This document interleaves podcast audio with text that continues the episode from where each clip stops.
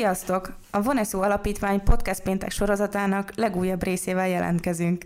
Én Sára vagyok, az alapítvány szakmai önkéntese, és itt vannak velem telefonon Németországból Bodor Nóri és Dreisker Vili. Sziasztok, nagyon örülök, hogy itt vagytok. Sziasztok! Szia, sziasztok! Boldog felnőtt, boldog gyermek, ezt vallják a voneszósok, akik gyermekvédelmi intézmények nevelőinek nyújtanak foglalkozásokat, hogy ezáltal a gyermekek nevelését hatékonyan támogassák.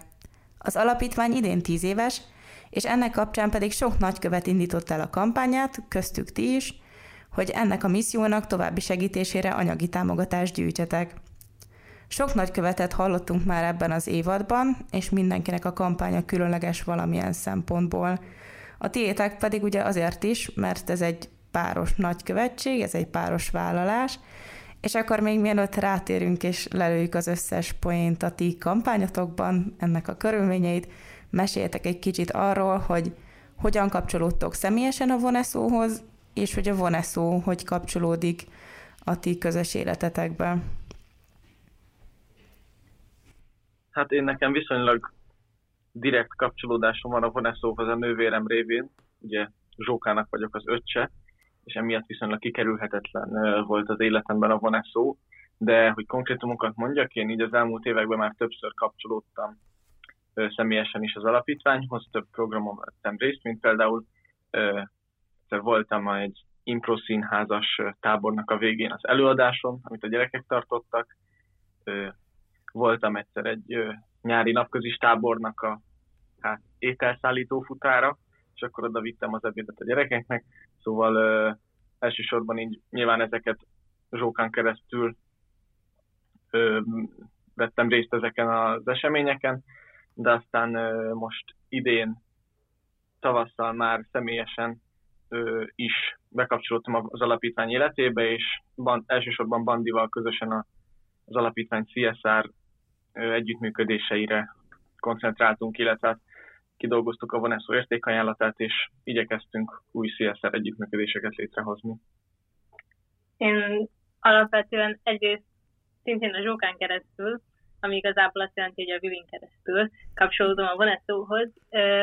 Én még nem vettem részt túl sok programban, egy jótékonysági koncerten most, ami idén volt mm, télen, azon részt vettem személyesen is, de azon kívül ez az első ilyen közös hát projektem a Voneszóval így most a nagykövetség. És ez a nagykövetség így jött is egyértelműen, vagy hogy ketten fogjátok csinálni? Szóba jött esetleg az, hogy mindketten külön kitaláltok valamit, vagy ez így rögtön jött az ötlet, és adta magát a lehetőség? Alapvetően nem nagyon gondolkoztunk abba, hogy külön csinálnánk, hanem a Zsóka úgy keresett eleve föl bennünket, hogy nincs kedvünk akár közösen, akár külön, és akkor így valahol el is dölt, hogy akkor közösen eh, nagykövetként csatlakozni.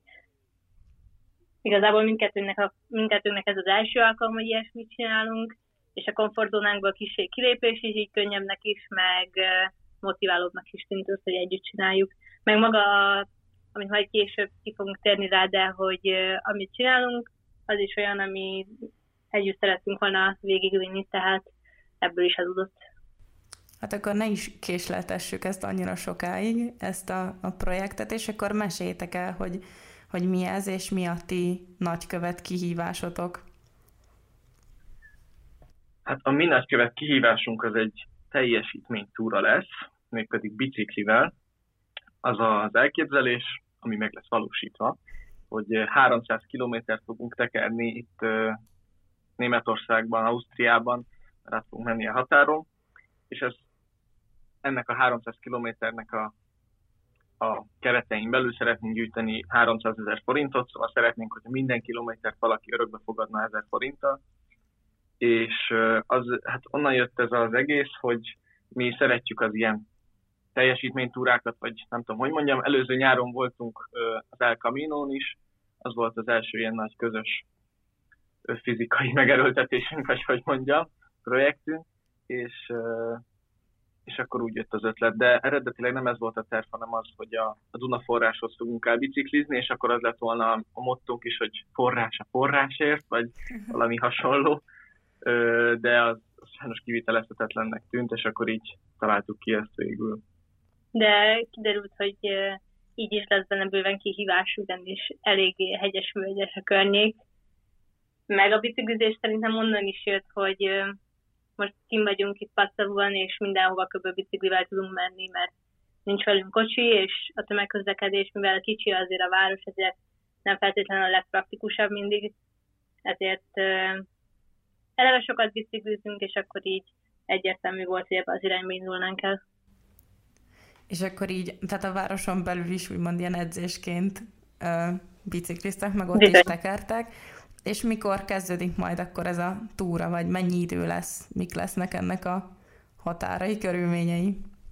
Hát öt nap alatt tervezzük megcsinálni, tehát naponta egy kb. 60 kilométert fogunk tekerni.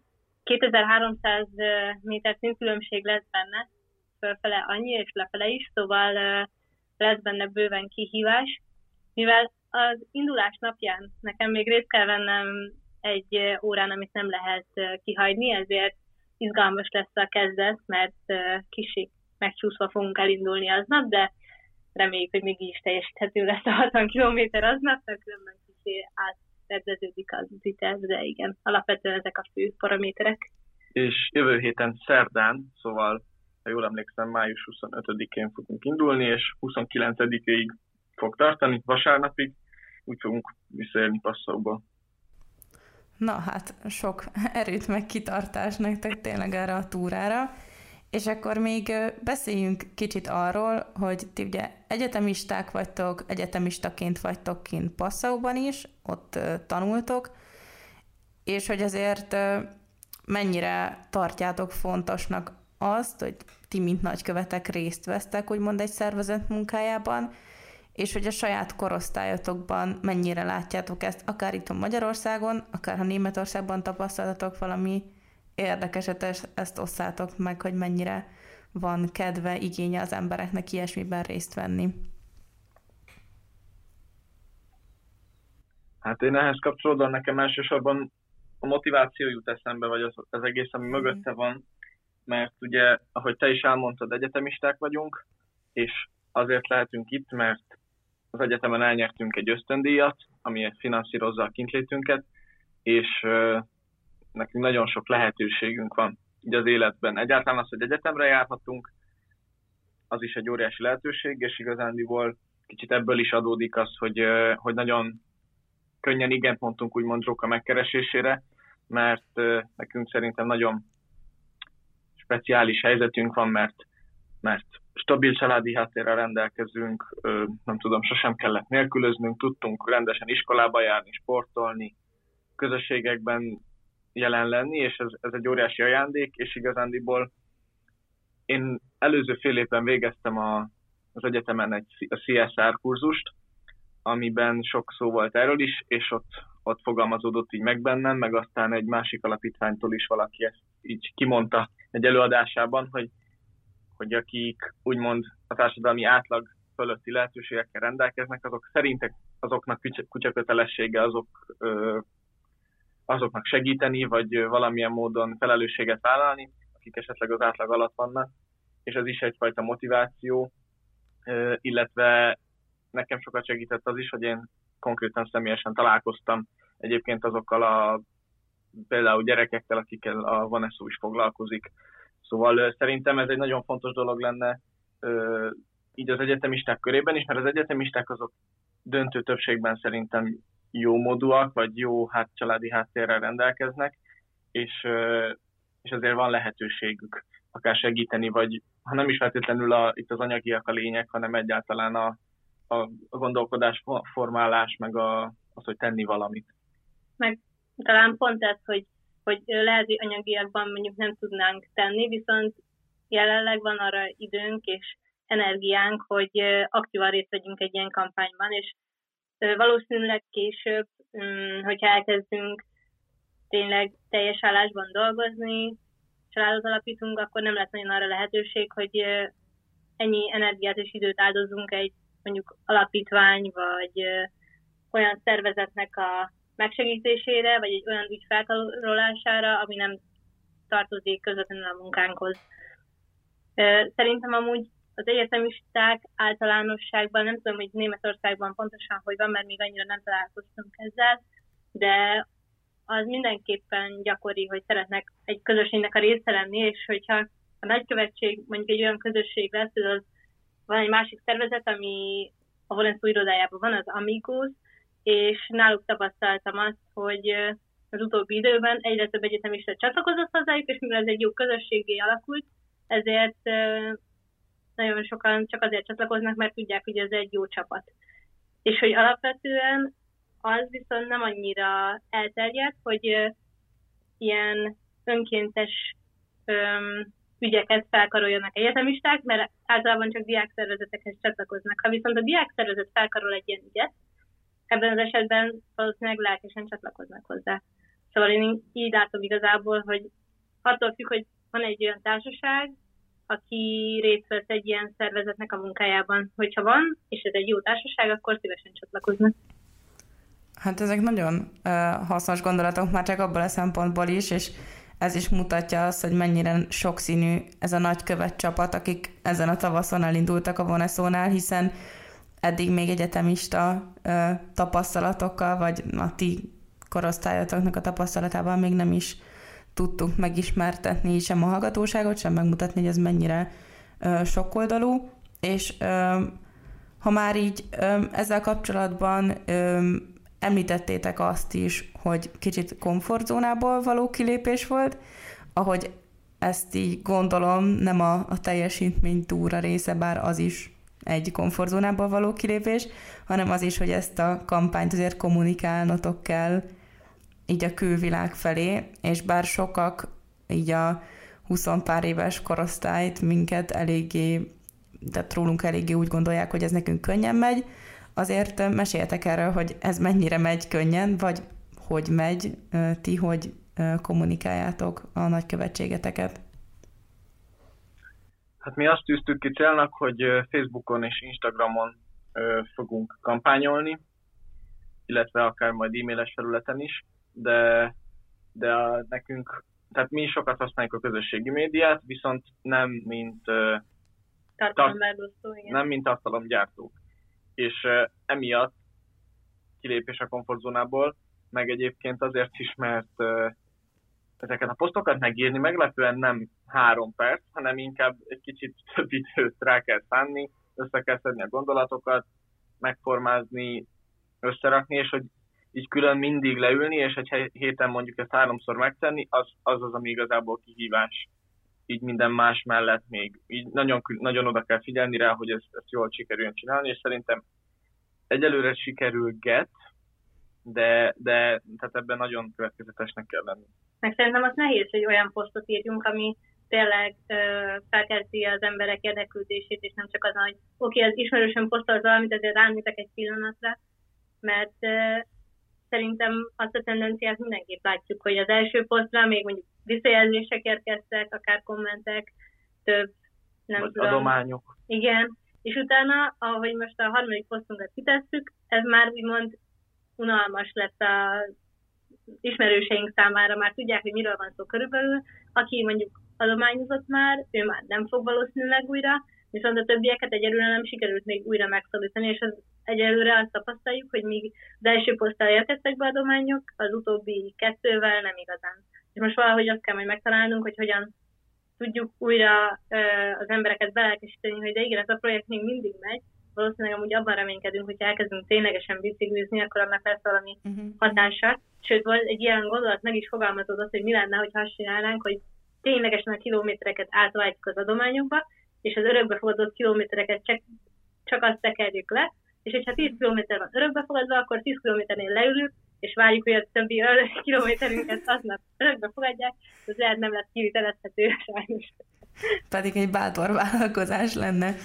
És meséljetek, hogy így azért nyilván még a kampányotoknak, ha nem is a legelején, de azért még nem is a végén tartotok, hogy milyen, milyen akár konkrét, ha van példátok, milyen visszajelzéseket kaptatok azon kívül, hogy látjátok így a reakcióknak a számát, meg az adományt, hogy volt-e valaki, aki így rákérdezett a dologra, aki így érdeklődést mutatott, akit úgymond új emberként meg tudtatok szólítani? Nekem egy barátom azzal kapcsolatban írt, hogy szerinte a jóügyekért.hu felületére hogy, le, hogy el lehetne még hatékonyabb, nem feltétlenül a konkrét projekttel kapcsolatban. Mm.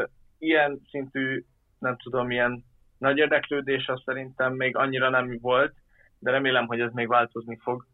Ezzel párhuzamosan viszont a rokonaim körében vannak lelkes támogatók és érdeklődők, viszont igen, ez egy nagy kihívás lesz, hogy a, akár velünk egykorú ismerőseinket is hogyan szólítsuk meg, és szerintem itt igazándiból a nagy média zaj az, ami egy kicsit hátráltató dolog, hogy rengeteg dolog jön szembe mindenkivel minden nap közösségi médiában, és szerintem nagyon nehéz kiszűrni azt, hogy akkor mi az, ami tényleg érdekes, és mi az, ami tényleg nem, és nagyon nehéz bármit mondjuk jobban megnézni ezeken a felületeken, szóval ezáltal akár a mi, ö, nem tudom, rossz felmérésünk is volt, hogy ezek a felületek vajon tényleg alkalmasak-e arra, hogy, hogy ilyen kampányokat csináljunk.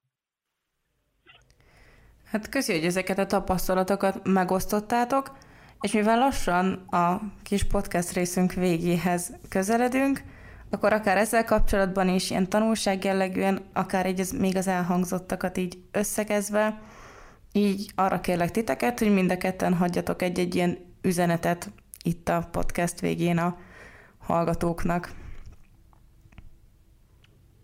Hát én annyi üzenetet hagynék a kedves hallgatóknak, hogy ha tehetik, akkor légy fogadjatok örökbe egy kilométert, hogy folytathassuk az utunkat, és ne az út szélén kelljen várnunk az örökbefogadásokat, mert tényleg szívünk, lelkünk és izmunk benne lesz, hogy tényleg megvalósuljon ez a kampány, és reméljük, hogy sikerült kicsit mm, betekintést nyújtani arra, hogy, hogy miért is csináljuk ezt, meg hogy mit is csinálunk igazából, és talán így közelebb kerül az, hogy hogy miért olyan fontos számunkra, hogy ténylegesen sikerüljön ö, véghez is vinni.